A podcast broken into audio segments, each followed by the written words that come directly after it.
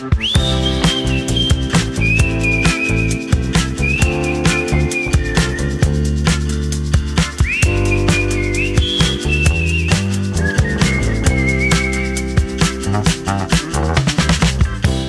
dia, Sílvia. Bon dia, Andreu, com estàs? Molt bé. Encara amb sucre a les venes després de la castanyada i tots els panellets que he menjat. és que és l'època, és l'època de d'inflar-se, de menjar molts panellets i, i tots els dolços que hi haguin. Sí, sí. I bé, i ja amb ganes de veure el vídeo que vam gravar a Mollerussa. Un dels vídeos que vam gravar a Mollerussa. Sí, ens ho vam passar molt bé preguntant a la gent a veure si els agradava més la castanyada o el Halloween. Sí, i em va sorprendre que la gent de Mollerussa, parèntesi, per qui no sàpigui què és Mollerussa, és un municipi a prop de Lleida, a 30 minuts de Lleida, i uh -huh. bé, vam anar allà a fer dos vídeos, un sobre, aquest, sobre això, sobre si la gent prefereix la castanyada, o sigui, la festa tradicional catalana de tardor, o bé el Halloween, no? Uh -huh. I em va sorprendre que la majoria de la gent, o la majoria dels entrevistats, eren més de castanyada. O sigui, em va sorprendre perquè pensava que hi hauria molta més gent pro Halloween, saps? No sé, a tu què et va semblar? Crec que encara la castanyada està molt viva, però molta gent celebra Halloween i cada vegada més es veuen mm. a les botigues i en les festes que es fan també, perquè mm.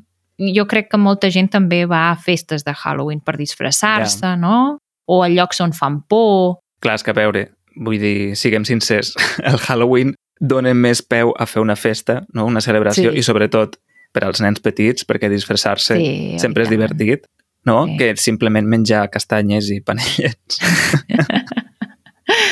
Totalment. En fi, mira, parlant de panellets, hem de comunicar una novetat i és que al Discord, al nostre servidor de Discord per a la comunitat, tenim un canal nou.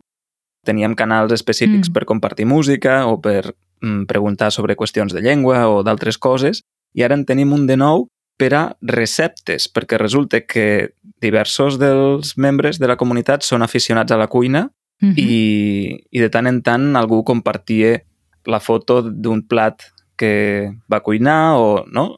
o compartien trucs per, sí, jo no sé, sobre cuina vegetariana, per exemple, Sí. i al final hem cregut necessari crear aquest canal específic no? per a receptes i una persona, el, Soda, ens va enviar les fotos dels seus panellets, els panellets que va fer a casa, Sí, i bé, doncs, no sé, està molt bé, no? Tenir aquest sí nou està espai. molt bé. Està molt bé, la veritat. Sí. Mm. Ara que digues això dels panellets i del Halloween i de la castanyada, m'he recordat que quan vam fer el vídeo a Mollerussa ens van comentar moltes Mhm. vegades eh, el tema aquest del truco o trato, perquè com Ah, que sí. aquesta tradició no, ha vingut de- d'Estats Mhm. Units, ens ho han traduït sempre en castellà i tothom en les entrevistes feia servir aquesta forma Sí, en castellà. I el Joan va trobar l'altre dia al portal de lingüística del 3CAT mm. que han proposat com diferents variants per no dir truco o trato. sí, les vam comentar també a, la xerrada d'aquesta setmana al Discord. Ah, d'acord, sí. Sí. d'acord. Doncs per qui no ho hagi vist, us n'he portat quatre, Mm. d'acord?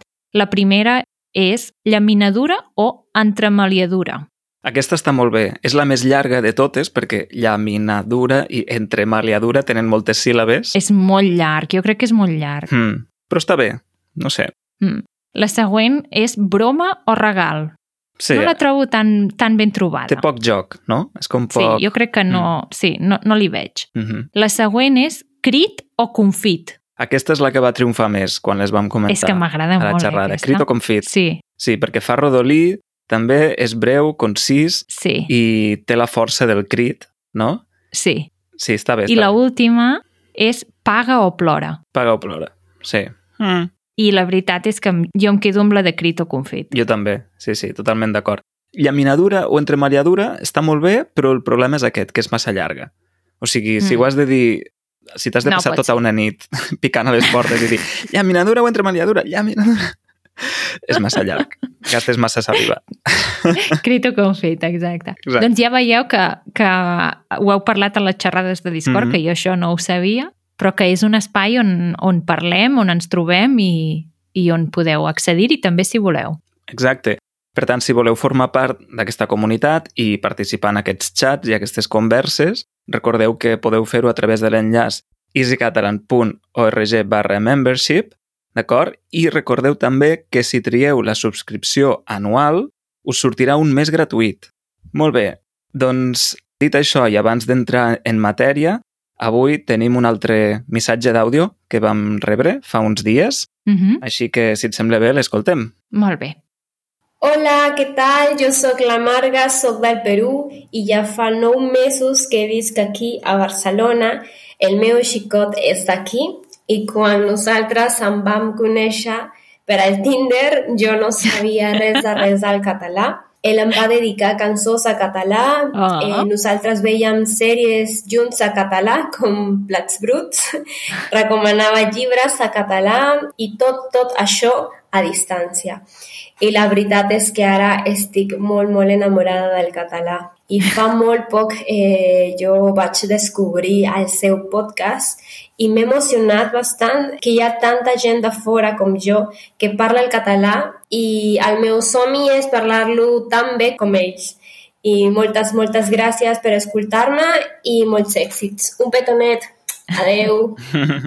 M'ha fet molta gràcia perquè ha fet servir i ara estic molt enamorada del català, que no sé si es referia al nòvio o a la llengua. Ah! jo he entès la llengua, però també he sobreentès que del, del, del teu xicot, també. eh? És una broma, ho hem entès perfectament. Clar, clar. Doncs, Marga, mm, ben a prop del teu somni estàs, perquè ja el parles molt bé. Sí. Vull dir sí. que enhorabona i moltes gràcies pel missatge. La Marga ens va enviar aquest àudio a través del web del podcast, que és Ah, easycatalan.fm. Si hi Mhm. entreu, veureu que al lateral dret hi ha un botó, és molt visible, és, el veureu de seguida, i si feu clic a aquest botó podeu enviar un àudio de fins a un minut i mig, d'acord? Mhm.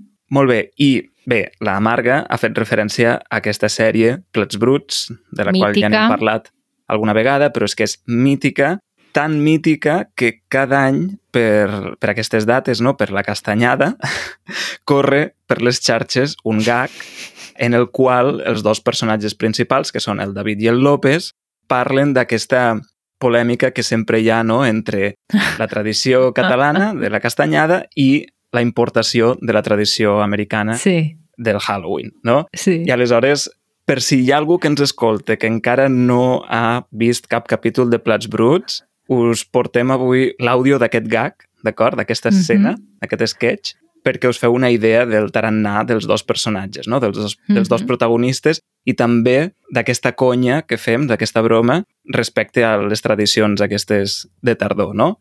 Doncs escoltem el gag de Plats Bruts. Escolta, David, a tu els pinyons com se t'enganxen? Però què fas?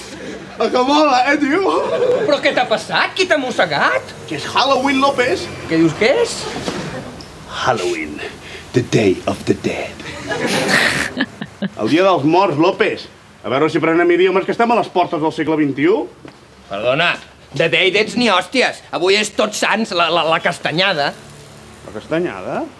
I què és la castanyada? Collons, el dia de les castanyes, el- els moniatos, els panellets. Els panellets. Bueno, no em sona. Si és una festa de les de tota la vida, com, com Sant Madí, com els Reis. Els Reis? Tampoc em sona. Quines festes et sonen a tu? Jo què sé, tio, les de tota la vida. Thanksgiving Day, St. Valentine's Day, 4th of July Day, Apple's Food Day, cony, tot, tot el que és acabat amb Day. I què li estàs fent a la carbassa aquesta? Me l'estic buidant i després hi poso una espelma dins, però López, si això ho sap tothom. No, tothom no, jo no ho sé. Escolta, aviam, el, el Holiday on Ice aquest de què va? Halloween, López, Halloween. Doncs així resumint, eh, et disfresses, agafes una bona merda de ponxe i, i et dediques a fer por. A Catalunya no ens disfressem, a Catalunya fem castanyes. Catalunya? Aquest és un país de tradicions mil·lenàries i serioses. Bueno, i, i què es fa a la castanyada de la Catalunya aquesta que dius? Collons, doncs es mengen castanyes. Ah, que bé, que divertit, tu!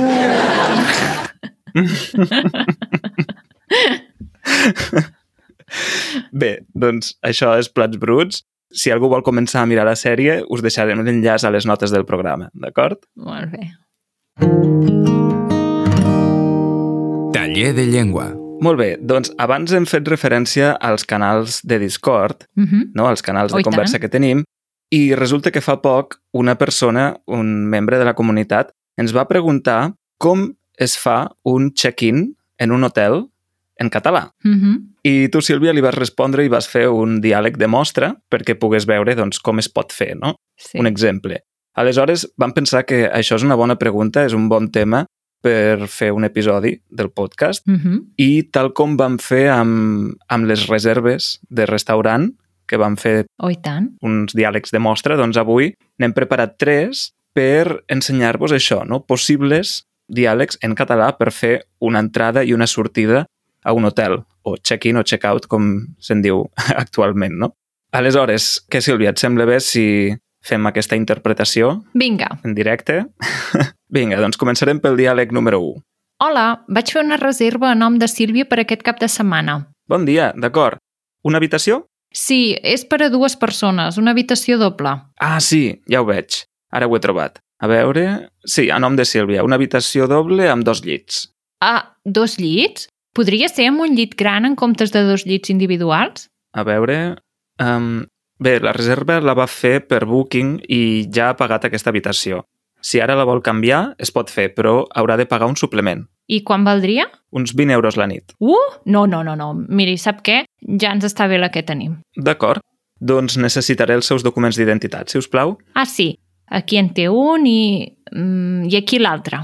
Molt bé, doncs ara en faig una fotocòpia i els dono les claus de l'habitació. Gràcies. Molt bé. Fins aquí el diàleg 1. Aquí hi ha unes quantes coses que són bàsiques sempre que he anat a dormir a un hotel o he, o he llogat un apartament per passar-hi uns dies i és que els documents d'identitat sempre te'ls demanen per fer una fotocòpia perquè es veu que Sí, és com que els hi va per llei, no? Que els hi demanen quines persones estan dormint allà aquella nit i ho han de saber i, per tant, això és una fotocòpia o fins i tot una foto, de vegades et fan una foto amb el mòbil mateix que tenen del teu carnet d'identitat perquè és una cosa que us demanaran sempre. Hmm. De fet, això té a veure amb la policia, o sigui, és un sistema que va lligat amb la policia per poder trobar possibles fugitius o possibles delinqüents Sí. que estan en cerca i captura, no? Hmm. Aquí també en el diàleg hem parlat de les claus de l'habitació. Hi ha moltes habitacions Mm. o apartaments que us trobareu que no us donen una clau, sinó que us donen una targeta. No sé si... Sí, és veritat. Clar, cada vegada va més amb targetes o fins i tot amb codis. Sí, i tant. Depèn de com. Mm. Mm -hmm. Molt bé. I també s'ha parlat del suplement, no? Mhm. que a vegades hi ha suplements per... Poden ser, doncs, taxes turístiques o, en aquest cas, voler canviar el tipus de llits. Sí. Les taxes turístiques a Catalunya ja fa molts anys que es paguen per nit i persona. Es paga per cada nit que tu passis en aquell hotel o en aquell apartament i per persona. I aquesta taxa turística, per exemple, a Andorra s'ha implementat des del juliol. Mm. Sí, i canvia segons el municipi. O sigui, el preu de la taxa és variable segons cada lloc, pel que tinc entès. Crec que sí. D'acord, doncs què, passem al segon diàleg? Som-hi. Bon dia, per fer el check-in? Bon dia, i tant! Teniu la referència de la reserva o el nom de qui la va fer? Sí, vam fer la reserva a nom d'Easy Catalan. Ah, sí, heu reservat l'apartament al Rovelló. Sí, per a sis persones. Molt bé. L'entrada és a partir de les 3 de la tarda, però si necessiteu deixar les maletes aquí, tenim un espai per deixar-les. Ah, doncs sí, moltes gràcies, perquè venim una mica carregats. Ja ho veig, ja. D'acord. Doncs doneu-me els vostres DNIs i mentre faig les fotocòpies podeu anar deixant les coses en aquella sala d'allà al fons. Perfecte. També caldrà abonar la taxa turística. Ho podeu fer ara o a la sortida, com preferiu. Sí, ara mateix va bé. Perfecte, doncs la taxa són 2 euros per persona i nit, per tant 12 en total. Pagareu amb targeta? Sí, amb targeta. Molt bé. Doncs mira, abans parlàvem de les taxes turístiques, aquí ens les hem trobat, no?, en aquest segon diàleg. Crec que una cosa important que hi ha aquí en el segon diàleg és el tema de l'entrada i la sortida. Normalment quan tu reserves una habitació o un apartament et diu ja en la reserva mateix a partir de quina hora hi pot ser i a quina hora com a màxim has de marxar. Normalment és a partir de les 5 de la tarda, les 3, les 5 de la tarda és quan pots entrar i quan has de sortir normalment és aproximadament hora màxima 11-12 del matí. Sí, jo crec que l'hora de sortida és més, mm, diguéssim, comuna, més general, no? Que Sí. sol ser cap a les 11, 12 del matí. Però la d'entrada, jo m'he trobat llocs on a la una ja podies entrar Mm, i d'altres que és més cap a la tarda, mm. no? Sí, depèn Mm. molt. Sí. Clar, heu de pensar que les habitacions i els apartaments s'han de netejar i, per tant, ha de passar una estona per poder la persona en qüestió perquè pugui netejar totes les habitacions i tots els llocs. Uh -huh. Sí.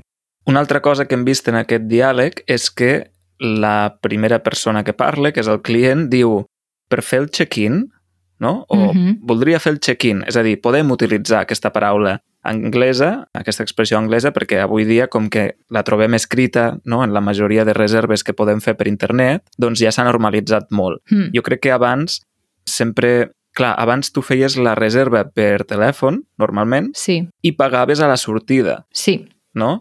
Mm. Pagaves ja quan te n'anaves, deies, doncs, mm, per pagar, no? exacte. Ja ens n'anem, per tant, paguem i tornem les claus. I ara eh, jo crec que el més habitual és dir fer el check-in i fer el check-out, o Sí. almenys en el meu cas. Sí. Sí, no? També en referència amb el tema del pagament, aquí en el diàleg que nosaltres hem fet és pagar amb targeta, però si no pagueu amb targeta, pagareu en efectiu. Exacte, sí. Amb targeta versus en efectiu. També es podria pagar en espècie i rentar els plats o... no? no, no. Molt bé. Alguna cosa més per comentar d'aquest diàleg? Jo crec que no. Bé, ha sortit el DNI, la paraula DNI, Mhm. això vol dir document nacional d'identitat, i és el, això, el document d'identitat, no? També podries, es podria fer servir el passaport. Sí. Molt bé, i per últim, el tercer diàleg és per fer el check-out. Som-hi? Bon dia. Bon dia, en què us puc ajudar? Volíem fer el check-out. Molt bé. Quina habitació és? La 217. Aquí hi ha la clau. Ah, gràcies. Veig que ja vau fer el pagament en el moment de la reserva, però finalment heu esmorzat a l'hotel cada dia, no? Sí, hem de pagar els esmorzars que no els teníem inclosos. D'acord, doncs els esmorzars més la taxa turística seran 46,80, si us plau. D'acord. Puc pagar amb efectiu? Sí, és clar.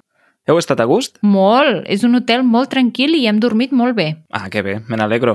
Bé, doncs ja ho tenim. Moltes gràcies i que tingueu un bon dia. Igualment, moltes gràcies. Adeu. Adeu. Perfecte. Doncs aquí, altre cop, la conversa ha començat amb la paraula checkout, no? El client, la clienta ha volgut dir que volia fer el checkout. Mm. Si només calgués tornar les claus, podries dir simplement, doncs, mira, ja marxem, era per tornar les claus, Exacte. És el que faig servir jo. no? Sí, no? Jo no dic el check-out, jo dic, no, és que ja volíem marxar. Sí, que al final és tan senzill com això. La majoria de vegades, si només és tornar les claus, doncs dius això. Clar, si a sobre tens pendent pagar la taxa turística i mm. pagar alguna cosa que hagis consumit Mm. durant la teva estada, doncs potser sí que és convenient dir el check-out perquè així ja inclous totes les altres gestions, no? Sí. No sé, això cadascú. En el diàleg que nosaltres acabem de fer estàvem parlant dels esmorzars, però hi ha molts hotels que també ofereixen dinars o sopars i llavors si us heu quedat a sopar algun dia o alguna cosa així, s'us carreguen el Mm. número de l'habitació però no, no s'us cobra. Això ho acabeu pagant quan marxeu. Clar, o fins i tot si heu consumit alguna cosa de l'habitació, perquè a vegades hi ha Sí. nevera amb begudes o alguna cosa de menjar, no? amb alguns snacks, Amb el minibar. doncs clar, sí, doncs això també ho cobren. Molt bé, doncs fins aquí els diàlegs de mostra per saber com fer el check-in i el check-out en un hotel en català. ja sabem que la majoria de gent sap fer un check-in o check-out, però és veritat que quan ho has de fer en una llengua estrangera, moltes vegades tens una mica com els nervis, no? Sí, Aquests de, ai, ah. i, i ara com ho dic? Com ho diria un nadiu? No? Sí. I a més sempre et preguntaran alguna cosa que no hem comentat aquí, no? Sempre hi haurà alguna Clar. pregunta que et quedaràs així com a, amb xoc i diràs, ai, ara no sé què m'està preguntant. Però no passa Sí. res. Sí, sí, típic. Quan potser simplement t'han preguntat d'on vens, no? Sí. Tu.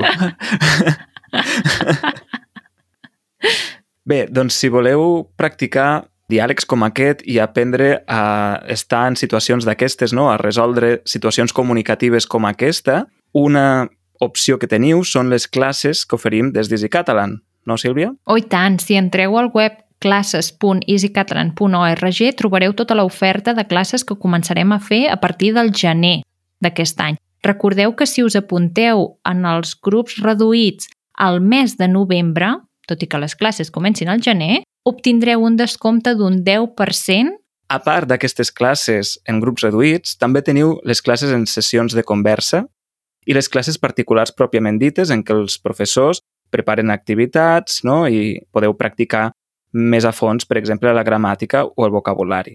Tot això ho podeu trobar, tota la informació, a l'enllaç classes.easycatalan.org.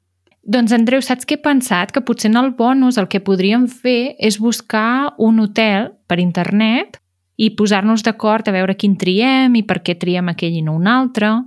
I així també veuran com, com ho fem per decidir quins, quins criteris fem servir per decidir quin és el millor lloc on anar.